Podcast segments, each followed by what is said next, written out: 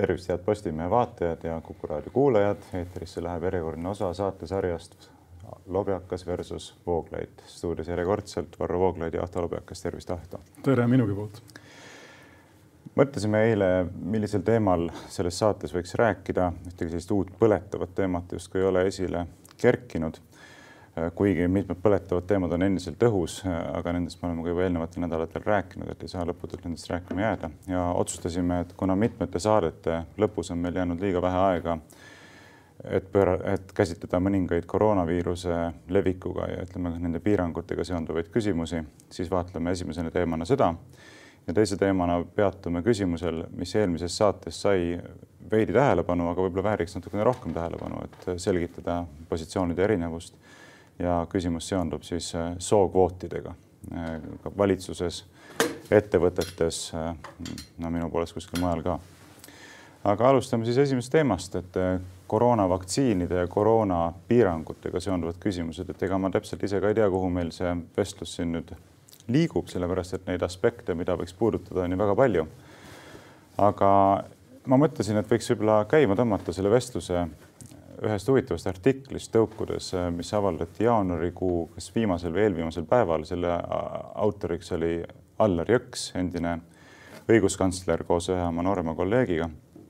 ja, ja selle artikli keskne sõnum seisnes siis selles, et, et ei saa välistada ka seda, et koroonavaktsiinid või üleüldse vaktsiinid, mingid muud siis ka tehakse inimestele tulevikus kohustuslikuks. Nad vaatasid seal Euroopa Inimõiguste Kohtu praktikat, vaatasid erinevate teiste riikide praktikat, ütlesid, et Eestis seda siiani kehtestatud ei ole. aga põhimõtteliselt tasuks vaim valmis panna ka selleks võimaluseks, et tulevikus võib oodata meid ees ka riikliku sunni rakendamine selleks, et inimesi, piisav hulk inimesi saaks vaktsineeritud ja see meenutas mulle seda, kuidas me sinuga siin, mitte küll saates vist, aga saateväliselt me seal teises ruumis ükskord arutasime seda, et ega seda sundvaktsineerimist vist ikka karta ei ole, ma mäletan, sa ütlesid ka, aga mulle tundub, et järjest rohkem märke me näeme. lisaks sellele ka Toivo Maimetsa artikkel oli üks, mida, millele ma ka sinu tähelepanu mingil hetkel juhtisin mis osutavad ikkagi sellele, et tuuakse või hakatakse harjutama avalikkust selle ideega, et et äh, ei ole sugugi välistatud, pange vaim valmis, et võib tulla ka sundvaktsineerimine. ja noh, ennem kui ma nüüd sõnajärje sulle annan ja küsin, mis sa sellest asjast arvad, siis ma ütlen omalt poolt nii palju ära, et äh, vaadates lihtsalt seda, kuivõrd äh, ohutu asjaga on selle koroonaviiruse näol tegemist suurema osa inimeste jaoks, eks nooremate kui seal, ma ei tea, viiekümne, kuuekümne aastaste inimeste jaoks minu, tundub minule see igal juhul sügavalt irratsionaalne, et me peaksime hakkama käsitlema sellist võimalustki et me hakkame sunniviisiliselt vaktsineerima inimesi, kes seda vaktsiini tõepoolest reaalselt ei vaja. ja väga põhjalik sissejuhatus, väga keeruline teema. mulle tundub, et ühesõnaga noh, algusest peale me peame endale, peame endale nagu selgeks tegema, et tegemist ei ole siin ainult meditsiinilise küsimusega, aga teadusliku küsimusega, tegemist ei ole millegagi, kus on A noh, oleks ka ideaalses olukorras võimalik kõik inimesed, kõiki inimesi veenda selles või teises ja noh, lisaks me ei ela ideaalses äh, keskkonnas või ühiskonnas või mis iganes. ja kui inimene ei taha, siis ta ei usu ja ta usub midagi muud ja noh, probleem ongi selles, et äh, kui me vaatame siin tänast ühiskonda ja viimast viit või kümmekond aastat, siis see vaktsiinidesse mitteuskumine ja üha agressiivsem mitteuskumine ja sellega kaasnevad ka siin noh, rida muid asju, eks. 5G ja selline üldine usaldamatus valitsuse vastu, siis see vaktsiini küsimus mulle näib osana sellest probleemide puntrast, mis on tekkinud suuresti tänu sellele, et sotsiaalmeedia võrgustikud on loonud võimaluse inimestele organiseeruda, kes enne võisid samadel seisukohtadel olla, aga kellel ei olnud reaalset võimalust, noh, välja arvatud, ma ei tea, kusagil koos käimis, koos käies, eks tunda, et nad on esindatud või et, et nad on mingi jõud. Ja me näeme siin selle vaktsiinidebati puhul üht väljendust selle uue jõu tekkes ja noh, loomulikult kõik need inimesed, eh, kes on vaktsiinide vastu ja neid ei ole mitte vähe kui vaadata neid küsitlusi, eks tihti kolmandik mõnest ühiskonnast või isegi rohkem, Saksamaal näiteks. Need inimesed on ju valijad, eks. ja kui ma ütlesin, et ja siiamaani ma arvan, ma lihtsalt kordan Saksa valitsuse seisukohti näiteks ja ma arvan, et kehtivad ka mujal. selge on see, et kolmandiku valijate sisuliselt usu vastu minna ükski riik ei saa. see kutsuks välja, kutsuks esile ühiskondliku või siis sellise tsiviilkonflikti või midagi kodusõja algse või kodusõja laadse situatsiooni sarnast ja noh, selge on see, et sellega ükski valitsus riskida ei taha, eriti kui me vaatame, mis Eestiski on juhtunud viimastel päevadel või oli see sel nädalal, kui rünnati füüsiliselt üht teadusnõukogu liiget ja arvata võib, et enam-vähem samadel siis kaalutlustel. ja kui ütleme siis keskajal noh, progressi vastased, nimetage neid niimoodi, lollardid või erinevad liikumised, eks no, suruti jõuga maha, siis tänapäeval see ei ole lihtsalt mõeldav. aga ma mündi teise poolena lisaksin, et, et siin loomulikult on mingisuguse ühiskondliku kokkuleppe ruum ja võib-olla, et ajaga ka selline kokkulepe tuleb, sest et kui nüüd näiteks seesama koroonapandeemia mingis vormis jääb meiega nagu gripp, ütleme, et ta tuleb tagasi iga hooaeg, iga sügis ta on uuesti kohal mingis uues vormis ja järjest nakkavamas vormis ja põhimõtteliselt see, mille nimel me oleme pingutanud viimased üheksa kuud, saabki meie elu normaalsuseks, siis ma arvan, et ka noh, igasugused vaktsiinivastased ja maskide vastased ja nii edasi, inimesed mingil hetkel saavad aru, et me elame kas niimoodi või nad lasevad ennast vaktsineerida lihtsalt, et viia see tõenäosus, et inimesed nakkuvad madalamaks ja noh, sealt ainult see on nagu suund, kus ma nagu eeldaksin, et mingi lahendus tuleb ja no muidugi küsimuseks jääb, millise tulemuse see vaktsineerimine üleüldse annab. praegugi me näeme ju seda, et inimesed, kes on juba lasknud ennast vaktsineerida, ei vabane samuti näiteks maski kandmise kohustusest, eks. ei vabane ka sotsiaalse distantseerumise kohustustest ja muust sellisest, siis tekib küsimus, et, et oletame isegi, kui väga suur hulk inimesi laseks ennast vaktsineerida, et kas see tegelikult toob meid siis kuidagipidi tagasi mingisugusesse nii-öelda normaalsusesse või mitte. ja ma pean tunnistama just nimelt kuulates ka sinu nagu selgitus selle kohta, et aga mis siis, kui see asi hakkab meil igal aastal tagasi tulema, jääbki meid saatma. et seda, sellele mõeldes ei ole sugugi ebatõenäoline, et mingisugust normaalsusesse pöördumist, noh, me ei näegi siin sellise lähima tuleviku jooksul. Noh, lähimal ma pean silmas siin viis aastat, kümme aastat, viisteist aastat, no kes teab, eks, et võib-olla meil on kümme aastat hiljem ikkagi samas seisukorras, kus ikkagi öeldakse, et ei, et seda ei tohi ja teist ei tohi ja kõik peavad ennast vaktsineerima ja kõik peavad maske kandma ja ärisid ei tohi lahti hoida ja, ja, ja nii edasi, edasi, eks ole, et sa ei saa trenni minna. et ähm, see on tegelikult väga mõtlemapanev, et me siiamaani ikkagi, ma arvan, me, noh, ma ei taha teiste eest rääkida, aga ma arvan, et enamik inimesi on mõelnud sellest ikkagi mingisugusest ajutisest asjast, varsti läheb ära ja siis öeldakse kogu aeg, olge nõus sellega ja olge nõus teisega, sellepärast et üheskoos me selle võidame, siis, siis me saame sellest lahti pöördume normaalsusesse.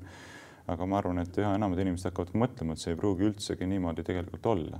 Et võib olla ka niimoodi, et me oleme aktsepteerinud kõikvõimalikud meetmed, lähtudes just nimelt sellest eeldusest, mis pole pidanud paika, et ei olegi mitte mingisugust normaalsusesse pöördumist. Ja, ja vot selle, selles kontekstis teevad need asjad mind nagu küll murelikuks, võiks öelda, seda enam, kui me hakkame rääkima ka juba sellistest sammudest ja piirangutest, mis on ikkagi väga räigelt inimeste privaatautonoomiasse sekkuvad, eks näiteks sundvaktsineerimine.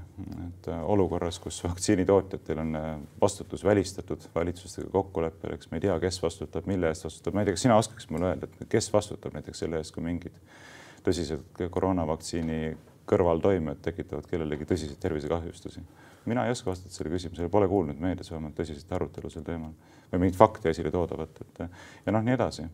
no meie riigis toimuva eest hetkel vastutab Kaja Kallas, tähendab mitte nüüd, see on kergelt nalja, naljaga pooleks öeldud, aga loomulikult valitsus ja peaminister, eks. selle vastutuse toimimise kanalid on ebaselged ja ma arvan, et noh, nii mulle kui sulle on teadmata see lävi või lävend, mis muudaks selle teema oluliseks valitsuse jaoks sellisel moel, et valitsus võiks hakata kaaluma ma ei tea, vaktsineerimise korras midagi muuta, eks no selge on see, et kui iga teine inimene näiteks kohe ära sureks, eks siis vaktsineerimine peatatakse. No,. siin on mingisugune selline hall ala, mille osas otsuse saab teha ja otsuse peab tegema valitsus, ehk siis poliitiline vastutus kehtib siin, see ei ole teaduslik vastutus, vaid see on seesama äh, selline kaalumine siis eks ühiskondliku hüve ja kõikide nende normide vahel, kaasa arvatud siis üksikisiku vabadused ja õigused, millele sina viitad mina kaldun mõistma selles mõttes seda ühiskondlikku probleemi, äh, et me ei saa, noh, siin on tegemist küsimusega, kus ühis, kus ütleme siis üksik, üksikinimese äh, absoluutne õigus sellele, tollele või kolmandale ei saa absoluutselt realiseeruda. Äh, tegemist on sellise utilitaristliku probleemiga, kuna meil on tegemist kogu ühiskonna ja selliste noh, statistiliste suurustega nagu, et vaktsiin annab meile üheksakümne viie protsendise tõenäosuse ja meil on siin saja tuhande inimese peale kahe nädala perioodi jooksul mingisugused nakkuskordajad, eks palju on uusnakatunuid, Eestis on viissada kuuskümmend või midagi sarnast. kõik need on sellised suhteliselt umbkaudsed arvud ja inimene läheb seal kaduma, mis ei ole tingimata ei õige ega hea, aga noh, ta ei ole ju praktiline, ei ole kuidagi võimalik praktiliselt äh, selles kontekstis iga inimese õigusi või, või neil näpuga järge ajada või ma ei tea, lasta neil läbi kohtute ennast tõestada ja nii edasi, eks. loomulikult kohtusüsteem peab olema avatud kõigile, aga selge on see, et me oleme täna mingisuguses situatsioonis, mida valitsus ja suurem osa avalikkusest tunnetab kriisina ning selles situatsioonis tuleb teha selliseid noh, üldkehtivaid ja üldiseid otsuseid ning ma kujutan ette, mina saan sellest niimoodi aru, et vaktsineerimine ja maski kandmine ja muu sarnane ei ole loomulikult absoluutsed lahendused ega ole mõeldud ka kedagi kiusama ega kellegi õigus ära võtma, aga äh, kokkuvõttes või siis nagu noh, üldistena nad vähendavad seda tõenäosust, et see viirus meil avalikes kohtades levib, eks. Meil näiteks maski kandmisega, kui ma nüüd olen tagasi vaadanud, siis kui see asi algas siin meil suve lõpus või see jutt, et maske tuleb hakata kandma, eks. või sügise alguses oli meil see R ehk siis mitu inimest nakatab üks nakatunu oli üks koma kakskümmend viis ja see oli väga ohtlikult kõrge nüüd maskide puhul öeldi, et maski kandmiskohustusega loodetakse see alla tuua null koma ühe või ütleme siis kümne protsendi võrra, kümne protsendi punkti võrra, eks, midagi sarnast. ja me olemegi siin, ma saan aru, enne jõule olime situatsioonis või praegu või siis oleme aasta alguses situatsioonis, kus R on veidikene alla ühe ehk siis iseenesest on see ülesanne saavutatud, mille valitsus endale eesmärgiks seadis ning noh, niimoodi siis suurtes piirides, suures plaanis seda probleemi reguleerides Äh, on see hoitud suhteliselt kontrolli all, muidugi noh, võrreldes Soomega on meie olukord kümme korda halvem, aga, aga ühesõnaga ma ei näe siin lihtsalt ruumi sellele, et suhteliselt väikeste piirangute kontekstis anda inimesele võimalus enda õigusi niimoodi rakendada, näiteks et igaüks, kes maski kanda ei taha, ei kannagi maske ja, ja nii edasi. No ja muidugi kuulates siin me mõtleme selle peale, et alati peab mõtlema ka sellele, et see, et miski juhtub pärast midagi, ei tähenda, et juhtus selle tõttu, eks, et näiteks see, et meil on mingisugune kordaja langenud, võib tuleneda ka sellest, et meil olid kinni restoranid, meil olid kinni koolid, meil olid kinni spordiklubid, meil olid kinni teatrid, kõik, kõik asjad pandi peaaegu kinni, avalikud kohad, eks, mõningate eranditega. et kas see nüüd oli maskidest või mitte, noh, see tegelikult vajaks ka tõestamist ja, ja, ja noh, kui ma vaatan seda graafikut, kuidas see nakkus, nakatumiste arv on nagu jätkunud, siis sellest graafikult küll mulle nagu silma ei torganud, eriti seda, et, et, et suur langus oleks toimunud mingi mõistlik aeg pärast seda, kui see maskide kandmise kohustus kehtestati. et minu jaoks on see endiselt pigem selline hüpotees kui fakt, et need midagi aitavad või märkimisväärselt vähemalt aitavad. aga muuseas, rääkides ka sellest, et meil on suur kriis, eks, millest sinu arutlus nagu tõukus, et me ei saa nagu lähtuda sellest, igaüks saab oma individuaalset vabadust teostada, kui riigis on suur kriis, siis mina jäin mõtlema ka numbritele, mis siin sel nädalal esile toodi uudistes ja ma korra tooksin need esile, et siis saaks nagu nendest natuke lähemalt rääkida. see oli minu meelest ERR-is avaldatud uudis, pealkirja ei mäleta praegu.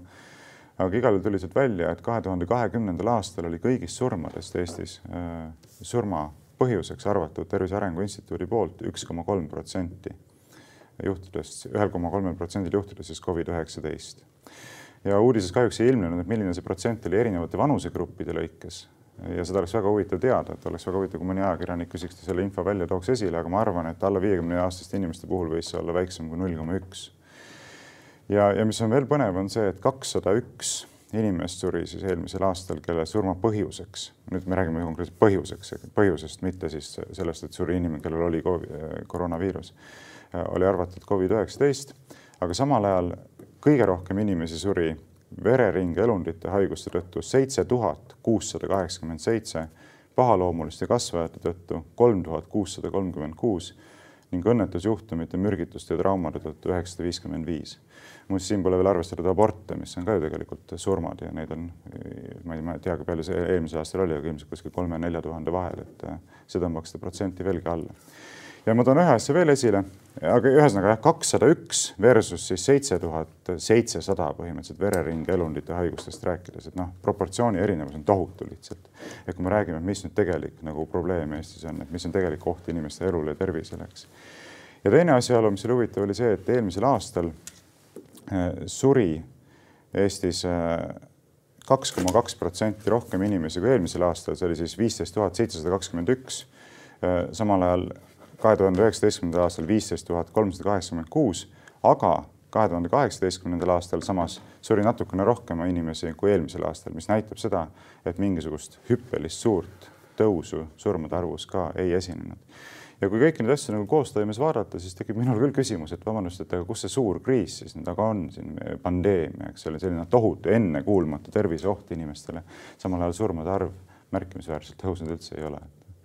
Ma tahaksin siin teha sellise veidikene allapoole vööd liigutuse ja apelleerida. ma loodan, et mitte otseses tähenduses. ei, mitte otseses, me oleme siin džentelmenid ja tsiviliseeritud äh, ikkagi tsivilisatsiooni esindajad, aga ma tahaksin apelleerida Ülo Vooglaiule, äh, su isale, äh, ühe inimesena, kes on enda elu pühendanud noh, ütleme siis põhjus-tagajärg seoste võimalikult selgele väljaselgitamisele, see on võib-olla üks võimalus seda kõike defineerida, eks, ja ma tahaksingi nagu lihtsalt apelleerida sellisele tervele mõistusele ja see, mitte tervele mõistusele nagu selles, selles mõttes, mida või kuidas seda Eestis on viimastel aegadel hakatud kasutama, et kui, kui mingi enamus arvab niimoodi, siis peabki niimoodi olema, vaid lihtsalt loogilisele mõistusele, kus ka üks inimene võib olla või noh, üks asja läbimõelnud inimene, ühel asja läbimõelnud inimesel on rohkem õigus kui sajal asjal mitte asja, asja mitte korralikult läbi mõelnud inimesel. kui ma mõtlen nüüd sellesama probleemi peale, eks näiteks kui me võtame selle vaktsiini küsimuse, lihtsalt jääme praegu vaktsiinide juurde, siin on, võime võtta ka maskid, aga see põhimõte on sama. mulle meeldiks esiteks juba see, kui kriitikud tooksid siis oma kriitikas või oma kriitikasse tooksid sisse no eristuse erinevate siis probleemide vahel, kas nad arvavad, et vaktsiin on halb, ehk siis vaktsiin on, ütleme, vaktsiin, vaktsineerimine tuleks lõpetada sellepärast, et tal on nii palju kõrvalmõjusid. terve väga suur grupp inimesi Eestis väidab, et see on probleem, eks, et meil on siin äh, kõrvalmõjud ja tihti, tihti on nad hullemad kui vaktsiinist tekkiv kasu või on vaktsiini või on vaktsineerimine õigusevastane kuidagi, rikub üksikisiku õigusi ja see võimalus, et tekib sundvaktsineerimine. või siis kolmas, et vaktsiin ei mõju ka ütleme siis laiemas plaanis sellele viiruse levikule, eks need on kolm erinevat argumenti. kui need ühte patta panna, siis ma lihtsalt saan aru sellest, eks, et inimene tahab olla kriitiline selle suhtes, mida meil täna tehakse. aga need kolm argumenti tuleb eraldi hoida, neid tõenäoliselt on isegi rohkem. ja nad kõik vajavad eraldi vastust, aga nad kõik kolm tükki ei sobi ka tingimata kokku, eks. kui me tahame otsustada, et vaktsineerimist ei peaks tulema mingisugusel massiivsel skaalal, siis noh, sina oled seda ka teinud, sa oled jäänud ühe mõtte juurde, see on see, et see on üksikisiku õiguse, üksikindiviidi õiguste vastane, võtab ära vabadusi ja kui sa sinna jääd, siis noh, okei okay,, võid, vaidleme selle asja lõpuni, aga niipea kui tulevad juurde küsimused, kas vaktsiin on ka võib-olla tervisele kahjulik liiga paljustele, paljudele inimestele või siis küsimus sellest, kas vaktsiin mõjutab või ei mõjuta üldse märgatavalt viiruse levikut või seda, kuidas me elada edasi saame piirangutega või mitte, eks. Kui need ka juurde tulevad, siis meil on probleemide pundar, kus me noh, me võime lõpmatuseni rääkima jääda ja me kusagile välja ei jõuagi, ma lihtsalt lisan ühe mõtte siia juurde. aga milles seisnes torge allapoole vööd? no et ma su isa tõin, sinu isa autoriteeti kasutades üritan sinuga vaielda, mulle tundus see kuidagi irooniline. jumala pärast, jumala pärast. aga ma tahan ühe mõtte veel lihtsalt lühidalt lisada, eks see sama äh, koroona noh, põhjuslikkus suremuses, millele sa siin viitasid ja seda on ka ette võetud siin ja mujal erinevatel moodidel, eks ma toome siia kõrvale alkoholi ja suitsu, suitsetamise kahju, kahjulikkuse organismile, ma arvan, et ei sina ega enamus inimestest ei vaidleks sellega, et kroonilised suitsetajad, kroonilised alkoholitarbijad seavad enda tervise ohtu, aga palju neist sureb äh, ma ei tea, suitsetamise, ülesuitsetamisse või minu pärast delirium tremensisse, eks väga vähesed. nagu koroonagagi on inimesel rida tervisehäireid, mida siis noh, mille siis üks faktor lükkab kriitiliseks, eks.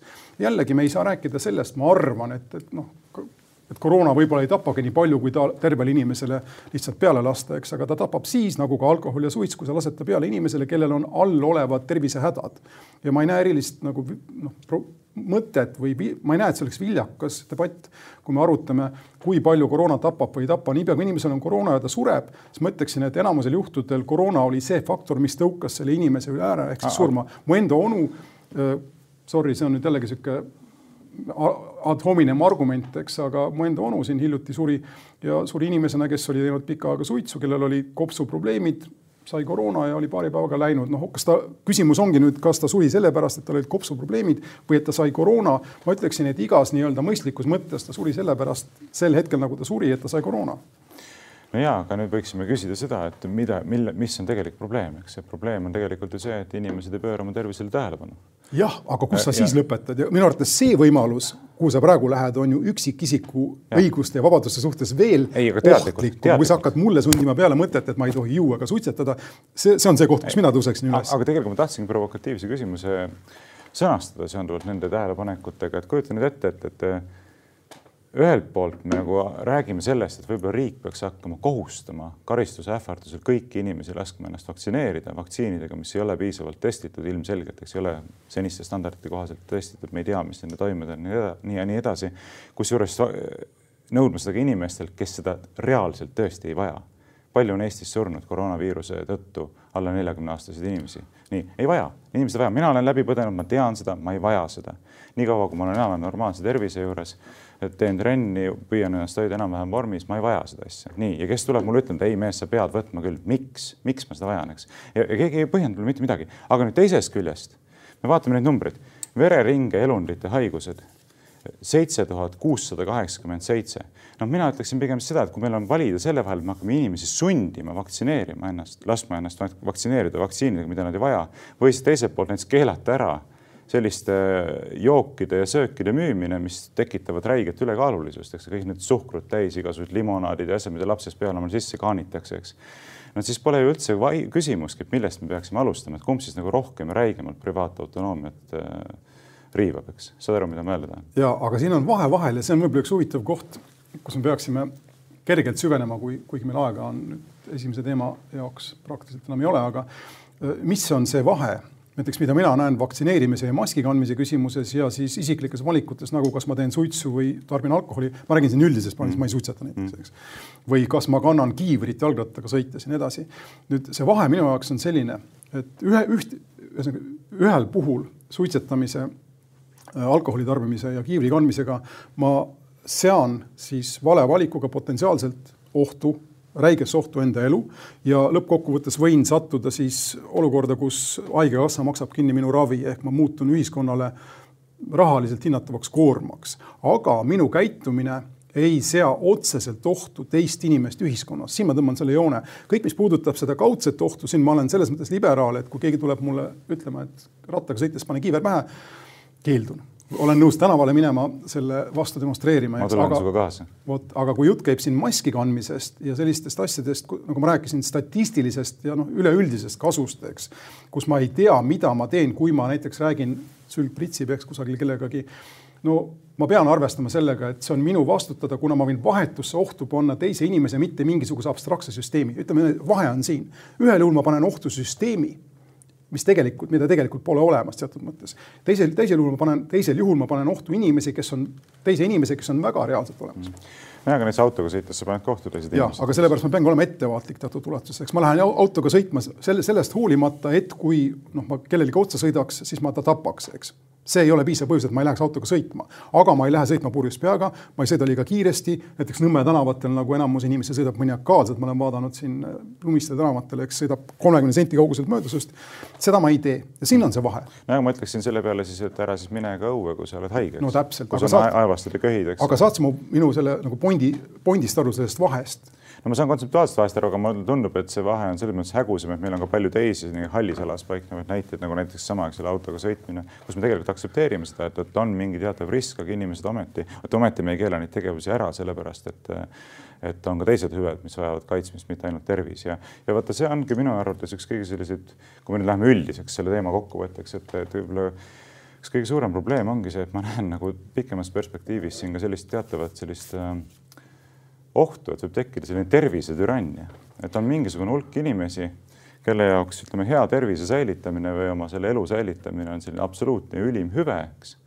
ja kuna, kui neid on piisavalt palju ja neil on piisavalt palju võimu, siis nad võivad öelda, et kõik teised hüved peavad olema allutatud sellele hüvele, et sinu isiklikud vabadus liikuda, rääkida, suhelda oma perekonnaliikmetega, ma ei tea, reisida, teha seda, teist või kolmandat, käia kontserdil, käia spordisaalis, ei, see kõik on vähem oluline kui see, et mina haigeks jääks, eks ja no siis meil lõpuks tekib see väga tõsine filosoofiline küsimus, et mille alusel me siis nagu hindame, et millised hüved on need, mis väärivad ühiskonnas nagu kõige rohkem kaitsmist, kas see on tõesti inimeste elu ja tervis, kusjuures väga väikese hulga inimeste, enamikul inimestel ei ole see nagu mingisugune probleem, või on siis mingi, või on siis isiklikud vabadused ikkagi vähemalt sama olulised või võib-olla isegi olulised. võtke heaks või pange pahaks, aga mina ütlen, minu jaoks näiteks elu ja tervis ei ole kõrgem hüve, minu enda elu ja tervis, kui isiklik vabadus, eks. ma tahan elada pigem lühikeselt, aga elada hästi, elada vabalt, kui elada võimalikult pikalt ja tervislikult, aga olles ära andnud oma isiklikud vabadused, et eh, see perspektiiv ei sobi mulle, lihtsalt on kõik. ma saan sinust aru, aga mul on tunne, et siin sa ei ole päris liberaalne ja see ilmselt on sulle ka kiidusõnaks, eks, või kõlab kiidusõnana. otsese solvanguna ei kõlanud. otsese solvanguna ei kõla, otsese solvanguna ei kõla, aga minu mõte on siin selles, et äh, lähme tagasi ühe võib-olla kõige elementaarsema liberaalse printsiibi juurde, mis enam-vähem kõlab eesti keeles John, John, John Stewart Milli printsiip.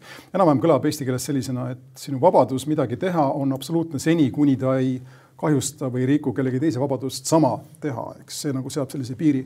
ja siin, kui sa seda printsiipi aktsepteeriksid, nagu mina aktsepteerin, siis see vahe teisele inimesele kahju tegemise ja endale kahju tegemise vahel on väga selgelt reljeefselt välja toodud. seni, kuni jutt käib minu enda tervise kahjustamisest, mis siis puudutab, ütleme minu pärast alkoholi liigtarbimist, suitsetamist või ilma kiivrita sõitmist ja nii edasi, eks. seni on minu õigus absoluutne, see ei kuulu ühiskondliku arutelu see ei ole ühiskondliku arutelu objekt, teised inimesed ei tohi mulle dikteerida, mida ma teen või ei tee enda eluga. aga niipea kui jutt käib sellest, mida mina võin teha teiste või kuidas ma teiste inimeste elu, elusid või terviseid kahjustan, see on ühiskondliku aru, arutelu objekt ja siin ma olen nõus, aga mul on tunne, et sina tood sisse noh, ütleme selle vahetegemise kohas, kus, kus, kuhu ta päriselt ei kuulu, ehk siis teistel inimestel on õigus tunda enda tervise pärast muret ja kui tegemist on mingite üldiste asjadega nagu, nagu pandeemia, siis äh, ütleme, üksikisiku õigused siin sellisel moel ei kehti no sellele me võime vaielda, kes tegelikult sellest printsiibist rohkem lähtub, kas sina või mina, kui me vaatame näiteks äh, sõnavabadust ja vihakõne või kui me vaatame näiteks nüüd ettevõtlusvabadust ja sookvoote, mille juurde me kohe tuleme aga ma ei ütlegi seda, et inimesed ei tohiks muret tunda oma tervise pärast, ma tahan öelda lihtsalt seda, et see ei ole iseenesestmõistetav, et mure oma tervise pärast äh, võiks tähendada seda, et kõigi teiste inimeste elementaarsetest vabadustest ja õigustest võiks nagu üle sõita ja neid allutada sinu murele oma tervise pärast. no aga kui tegemist oleks ebolaga või ma ei tea, ma siin kirjutasin endale, me oleme varem rääkinud sellest, aga ütleme, laste halvatuse vastu vaktsineerimine või tuberkuloosi vastu vaktsineerimine, need, need haig-, nendest haigustest on lahti saadud lääne ühiskondades tänu vaktsineerimisele. jah, kahtlemata peab vaatama seda, kui tõsise ohuga meil on tegemist ja sellepärast ma ütlengi, et kui vaatame kahe tuhande kahekümnenda aasta surmade arvule, siis see märkimisväärselt tõusnud ei ole võrreldes eelnevate aastatega. aga mu onu suri ära. no vot jah, et sina kindlasti oskad lahutada individuaalset üldist. no see oli nüüd irooniliselt jah, aga. muuseas minu kaastunne. see on keeruline tunne. aga läheme teise teema juurde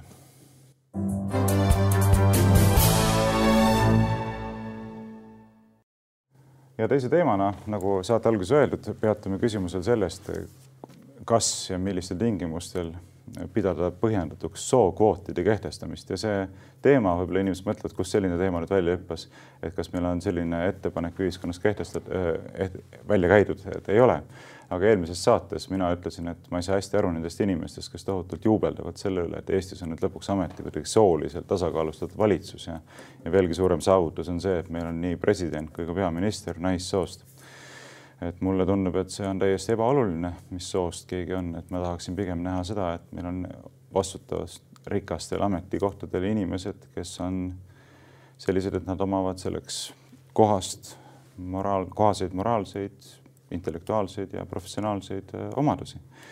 aga sina selle peale oponeerisid, ütlesid, et miks ma niimoodi muigan sel teemal, et tegelikult see on ju väga oluline, et see ajalooline ebaõiglus kuidagi ületada, et naisi ei ole piisavalt ähm, vastutusrikastel ametikohtadel ja noh, kui nüüd siduda seda eelmise teemaga, siis ma ütlen samamoodi, et, et nüüd, kui me võtame uuesti selle milli printsiibi näiteks, et äh, igaühe vabadus lõpeb seal, kus ta oma vabaduse kasutamisega hakkab kahjustama teiste inimeste võimalust kasutada sedasama, samasugust, sama, oma vabadust samasugusel moel, siis ma ütlen, et äh, Siim, mulle näib, et sina oled selle printsiibi vastu, kui me räägime näiteks kvootide kehtestamisest ettevõtetele, kui palju neil peab nõukogudes olema naisi, kui palju mehi siis äh, see ilmselgelt sekkub sellesse vabadusse, et ettevõtjate vabadus määrata ise oma äh, nõukogude liikmed ei kahjusta mitte kuidagi mitte kedagi teist ja kui sa ütled, et kahjustab, siis see on niivõrd kaudne kahju, et see kindlasti peaks kvalifitseeruma sellele, mida sa just ütlesid, et sa arvesse ei võtaks. nii et kuidas sa seda vastuolu selgitaksid? jah, seda, tähendab minu seisukohta, mis ei ole muutunud ja mis on saadet kuulanutele kindlasti tuttav, oleks tunduvalt lihtsam argumenteerida sinu ja näiteks doktor Vahtre positsioonidest, eks, kui me võtame doktor Vahtre sellise äärmuseni viidud biologismi, eks, meil on selgelt tegemist bioloogiliste faktidega, naine ja mees. ja no rohkem neid fakte ei ole, eks me ei luba ju mingit kolmandat sugu, see on ju anateem, eks. kui siin tekivad. veel viitekümmet. veel viitekümmet täpselt, eks on kaks sugu bioloogiliselt ja samamoodi sinu vaatepunktist ka jumalast ja pühakirjast, ütleme moraalikoodeksist tulenevalt, eks, kuidas inimesed on asju traditsiooniliselt teinud. mees läheb naisega voodisse, tuleb laps, eks. see kõik on väga selline dualistlik, ehk siis on kaks jalga sellel või kaks osa sellel maailmavaatel. ja kui sa sellest perspektiivist minu arvates on, oleks veel lihtsam või palju lihtsam argumenteerida, et kõik, mida inimene teeb, mida ühiskond teeb, kui tal on kaks palet mees ja naine, siis need peavad olema võrdselt esindatud, vastasel juhul me rikume kas siis bioloogilist või jumala tasakaalu maailmas, kus on kaks sugu, eks. see, mina, see oleks geniaalselt lihtne argument, kui ma oleksin konservatiiv või, või biolo-, aga... ütleme bioloogiline rassist, aga ma ei ole. mitte ainult geniaalselt lihtne, vaid ka geniaalselt lihtsalt ümber lükata. no kuidas? Aga miks peaks olema igas valdkonnas inimesed, mehed ja naised võrdselt esindatud? mehed ja naised on väga erinevad, neil on erinevad rollid, erinevad ülesanded, erinevad oskused, erinevad võimekused. nii, ma tõin nüüd su teatud mõttes nagu õhukesele jääle ja ma arvasingi, et see sinna jõuab, see asi. ma olen alati õhukesel jääl käimist nautinud. jah, aga see argument sul nüüd eeldab seda või tahab eeldada seda, et inimesed või kaks sugu on ebavõrdsed, eks. on asjad, milleks mehed on paremad, näiteks ühiskelu, ühiskonnaelu juhtimine ja no, on asjad, milleks naised on paremad, ehk siis köögis süüa tegemine ja laste kasvatamine, on ju. aga ongi nii? nii, järelikult siis naistel pole asja ühiskonnaelu juhtimisse, kuna nad ei ole võrdsed meestega ühisk-, seda... ava, avalikus ruumis. ütleme, kui, kui me räägime siin avalikust nagu ütleme, me ühiskonnakorralduse aluseks on inimeste või üksikindiviidide võrdsus, kes väljendavad, väljendavad ennast läbi demokraatlike valimiste. ilmselgelt naistel ei ole võrdseid õigusi, sest et mida, mida nad teavad ühiskonnaelust, nad üldse valivad ju täiesti umbes ju, neil pole ju köögis võimalust, eks siin tähtsate teemadega tegeleda. siin ma jään sinuga eriarvamusele. informeeritud olla ja sul on väga, sul on väga suur oht langeda sellisesse mõttekäiku. sellepärast, et see järeldus, mis sa tegid, ei ole loogiline, et mina ei ole mitte kuidagipidi mõista andnud seda, et meeste ja naiste ebavõrdsusest erinevates valdkondades peaks tulenema seda, et ühte või teise valdkonda ei ole meestel või naistel asja. et loomulikult kõigil on õigus äh, teostada ennast ükskõik millises valdkonnas ja kõigil on ka vabadus seda teha aga see ei muuda mitte kuidagipidi asjaolu, et mehed ja naised on erinevad, eks. no kõige lihtsam näide on füüsiline võimekus näiteks. kõikvõimalikud äh, elukutsed, mis nõuavad suurt füüsilist jõudu seal on meestel selge eelis ja seda ei saa mitte kuidagi muuta. aga me räägime ideoloogiliste ulmadega. aga las ma meenutan sulle, me räägime ettevõtete nõukogudest, me räägime poliitilistest institutsioonidest nagu valitsus ja Riigikogu. ei mängi rolli, kas keegi tõstab ühe kilo või sada kilo. jah, põhimõtteliselt mitte, aga ma lihtsalt tõin näite, et, et. aga miks siis, ütle mulle, kuidas sa saaksid öelda näiteks, et Riigikogu, kus on sada meest ja üks naine, ei ole, ütleme noh, on, on siis tasakaalust ei ole kuidagi tasakaalust väljas võrreldes Riigikoguga, kus on viiskümmend üks naist ja viiskümmend meest. kumba eelistada, mina eelistaksin automaatselt teist varianti ja ma ei näe, kuidas sina ei saaks seda eelistada, sest et mingi elementaarne mõte ju siis peab olema sellel, mis sa ütled, eks, et naised ja mehed on võrdsed. ehk siis äh, sada puupead, aga peaasi, et sooliselt tasakaalus. ei, mitte tingimata, aga kui nad ei ole järjest ühesõnaga, kui riigikogud on järjest ainult meestest koosnevad, siis kusagil on midagi valesti, me rääkisime sellest, ma ei, ma ei, ma ei näe, kuidas sellest järeldusest on võimalik mööda saada. aga mind huvitab tegelikult hoopis see küsimus, et eh, kust sa selle nagu ideaali võtad, et peaks olema mingisugune selline kvantitatiivne tasakaal ettevõtete nõukogudes või riigikogu, riigikogus või valitsuses või kuskil mujal, et miks see nagu üldse oluline on? et eh, ja mehed ja naised ühiskonnas laias laastus jaotuvad pooleks, aga miks see peaks tähendama et erinevates kohtades peaks olema mingi sooline tasakaal, et mis hüve see üldse selline on? kõige lihtsam on vastata jällegi konservatiivse argumendiga, mis ei ole tegelikult minu argument, aga mida kiputakse kasutama ja tege-, tegemist on keerulise teemaga, selles mõttes ma olen sinuga nõus, aga võtame nüüd ühe sellise liberaalse konservatiivse, konservatiivi Angela Merkeli, kes kunagi armastas rääkida Schwabimaa koduperenaisest, eks mm, -hmm. kellel on see vajalik suhtumine ütleme siis eelarvesse, mida on vaja näidata ka Saksamaal riigi tasandil, eks, et kõik need, äh, mis nad on siis, need arved oleksid tasakaalus ja bilanss aktiva ja passiva ja nii edasi. see on Schwabimaa koduperenaise omadus. no siit võib tuletada argumendi, et äh, kõikidel riikidel, kes nii-öelda euroopalikku meelt on, oleks kasulikum, kui ainult naised oleksid rahandusministrid ja siis ütleme, parlamentide rahanduskomisjonide liikmed, sest et nad on Schwabimaa perenaised, neil on olemas parem arusaamine sellest, kuidas ähm, tasakaalus hoida kulutusi ja tulusid, eks. no jah, okei okay., seda, see on üks argument, sellega no, ma tingimata. on võimalus selleks, Autor Ollo veteran on rahandusminister. no aga see on nüüd liiga ad hominem, aga mida ma tahan öelda, on see, et ka konservatiivi enda vaatepunktist on võimalik tuletada argument, mis ütleb, et, et, et hoopis naised peaksid olema tegelikult puhtloogiliselt enamuses teatud ametikohtadel, aga seda ma öelda ei taha. ja kus see keerulisus sisse tuleb, on muidugi see, et lõppkokkuvõttes ju mina liberaalina argumenteerin selle nimel, et inimene, sõltumata sellest, kas ta on naine, mees või ma ei tea, mingi ütleme noh, ütleme muusooline või kas ta on punapea või kas ta on kiilas või nii edasi, eks, et inimene on kõige olulisem ja inimesi peaks olema Riigikogus sada üks ja valitsuses ma ei tea, palju viisteist. ja selles mõttes ma olen sinuga nagu üht, ühel nõul, aga me ei saa mööda vaadata sellest ajaloolisest faktist, et meie ühiskond on olnud tänase pilguga vaadates tribaliseeritud, ehk siis meeste hõim on valitsenud viimased kaks-kolm tuhat aastat. kui sa ei usu, siis vaata Monty, Monty Pythonit näiteks, Life of Brian, mulle tuleb silme ette praegu. habemega naised pidid olema, et kellegiga, keegi, keegi kividega surnuks visata. ilma habemeta naised ei saanud seda teha. ja noh, see on vaja tagasi pöörata ja me oleme teatud tribalismi faasis, kus vastulöögina, vastureaktsioonina naised ennast realiseerivad võib-olla intensiivsemalt kui meestele meeldiks või võib-olla kui oleks isegi hea sellisele e-, evolutsioonilisele ühiskonnale, aga aeg-ajalt on revolutsioonid vajalikud ja ma ei näe, et me midagi kaotaksime sellest. vastupidi. no mina ei näe, et me midagi võidaksime sellest, me kaotame ka, me kaotame ka, ma kohe tulen sinna juurde, me kaotame, aga, aga aga mulle ikkagi tundub, et see on paljuski selline ideoloogilise diktatuuri ilming, ma tean, sulle see väljend eriti ei meeldi, aga, aga kui riik hakkab peale suruma jõuga eraettevõtetele näiteks kohustust palgata oma nõukogudesse nii ja nii palju naisi, eks.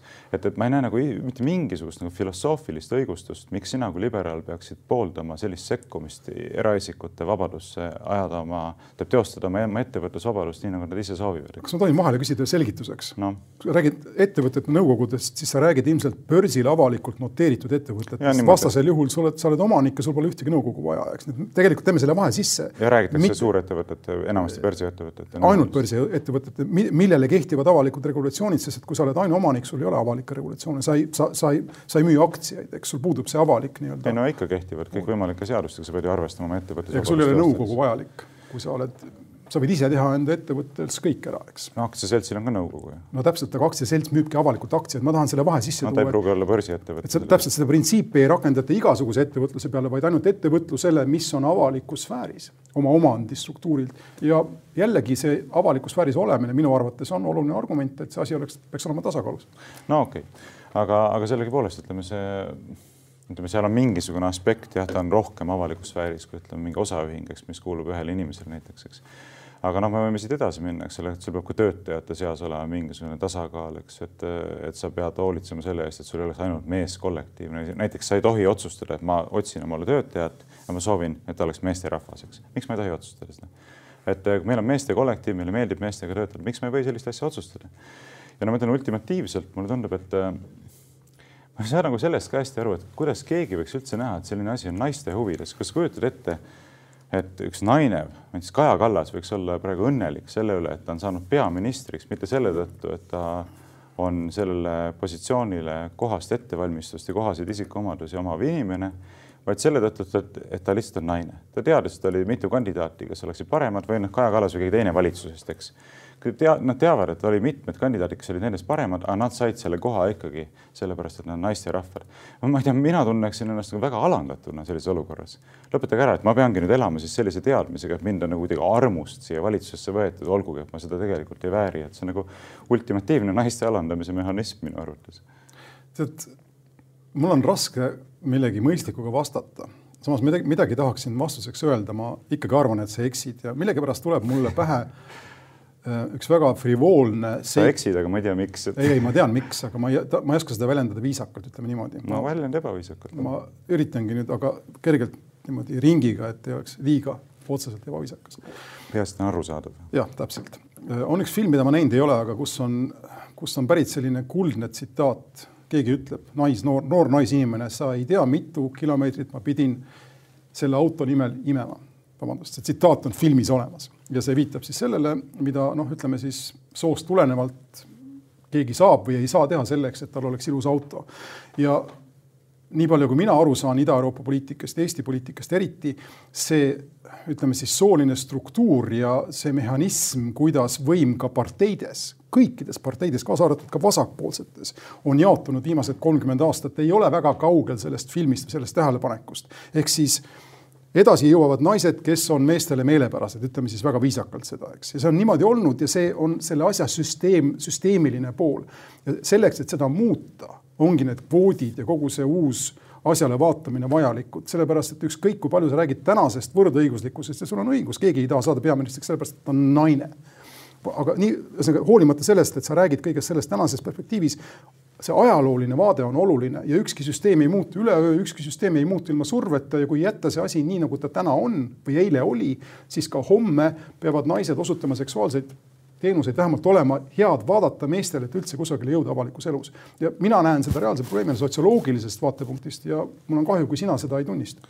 No mind täitsa huvitaks, mida selle peale, kuidas seda kommenteeriks näiteks Kaja Kallas või Keit Pentus või Kersti Kaljulaid või teised nii edasi, et kuidas nemad on jõudnud nendele kõrgetele kohtadele, et kui see asi ainult niipidi käib, et ja ma ikkagi tahaksin loota, et see ei käi ainult niipidi, et. no vot, sul on ilus ja õnnis nagu- lootus. võib-olla sa tunned nagu mingis parteide siseelu paremini kui mina, aga. mul on tunne, et ma tunnen meie sookaaslaste hingeelu paremini kui sina.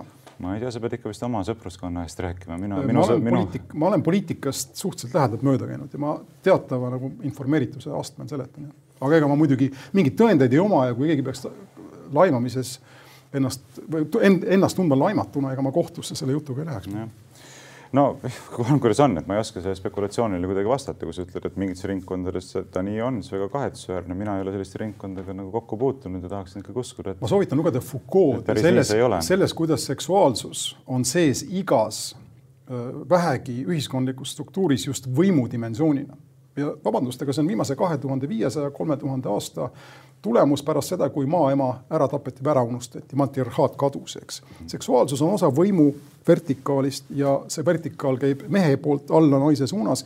see on sotsioloogilise ajalooline fakt, sinna pole midagi. no ma ei tea, kas ta ikka on nagu fakt selles mõttes, et see tundub kangesti selline marksistlik klassivõitluse visioon, eks ole, et meil on nagu kaks klassi, mehed ja naised, keda siis kes on siis omavahel sellises antagonistlikus suhtes ja kus siis üks on rõhutav ja teine on rõhu ja nüüd tuleb siis mingit, mulle tundub, et see perspektiiv on üsna tugevalt reaalsust moonutav. ei, aga see, see loogika on ju sulle endale ära öeldud, kui sa ütled ja sul on õigus, et bioloogiliselt on naise omadused mehe omast, mehe omadest erinevad, naine kipub olema nõrgem, ta, ta kipub olema teistsuguse ütleme siis psühholoogiaga ning kolmandaks naine tihti harjub ära selle rolliga, mis talle on määratud. selles mõttes jah, see on bioloogiliselt determineeritud, aga kogu inimühiskonna mõte ju on olnud sellest kõigest välja rabeleda, iga inimene teisega võrdseks teha, sõltumata sellest, kas ta, milliste sootunnustega ta on, kas tal on juuksed või tal ei ole juuksed või kas ta on gei või ta ei ole gei.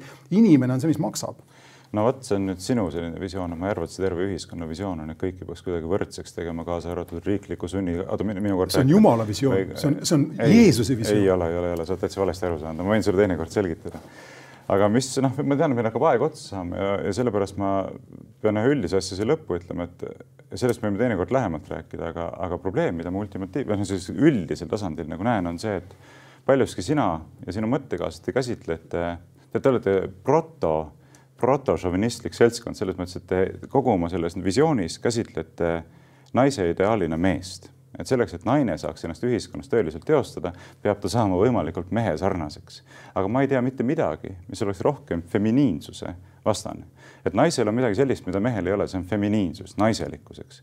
naiselikkuse keskmes on võime saada järglasi, olla ema, eks, hoolitseda laste eest, olla perekonnapidaja see on see, mida mees ei saa teha, tal ei ole seda võimekust nii. ja see on ainuke asi, millele te üritate üle parda visata ja öelda, et see ei ole mingisugune tõeline eneseteostus, et me peame ühiskonnaga maksimaalselt pingutama selle nimel, et naine võiks saada võimalikult mehesarnaseks, vot siis ta on nagu emantsipeeritud ja saanud võrdseks, eks. aga minu meelest te teete tohutu karuteene, te põhimõtteliselt, mida te teete, te hävitate feminiinsust. no ma võin samamoodi ju jätkata sinu mõttekäiku väga lühidalt siin, kui sa, kuidas sa defineeriksid lapse sinu maailmapildis, mulle tundub, et sa defineerid lapse kui ahela, mis ema maa ligi hoiab. kui sa niimoodi last defineerid, siis see on kohutav no,. miks mina... mitte ei või teha ema ja isa koos või pidada koos peret, nagu sa ütlesid, sa ütlesid, et ema on perekonnapidaja, ei ole. isa ja ema, kui sa räägid traditsioonilisest perekonnast, mõlemad on perekonnapidajad. Fifty-fifty, ema käib mõnikord ära osaleb poliitikas, isa on kodus, isa käib ära, osaleb poliitikas, ema on kodus, miks mitte niimoodi? no vot, see on sinu visioon, aga ma arvan, et väga paljud sellega ei nõustu, et laps vajab vähemalt noores eas ilmselgelt palju rohkem ema lähedust kui isa lähedust. kasvavad nannipunid üles. mis on laps, mina ei ütle, et see on ahel, mis hoiab naist. klassikalises ühiskonnas lahutati laps perekonnast mingi seitsme aasta vanuselt, sellepärast et ta ei jääks ema kasvatada. no see oli see Nõukogude Venemaa visioon. kaheksateistkümnendal, kahekümnendal aastal naised juba emantsipeeriti, aga kui sa küsid mult, mis on laps, ma ütlen, laps on jumala kingitus, ilusaim asi, mis võib juhtuda. et see on see, kuidas naiselikkus äh, ultimatiivselt teostub, sest mees seda mitte kunagi teha ei saa, selle üle võivad mehed ainult kadedust tunda. aga me võime nende teemade juurde tagasi tulla. meie aeg, saateaeg on läbi, tänan, et vaatasite ja kuulasite, oleme eetris uuesti järgmisel reedel, kohtumiseni. tänan kuulamast-vaatamast, järgmise korrani. thank you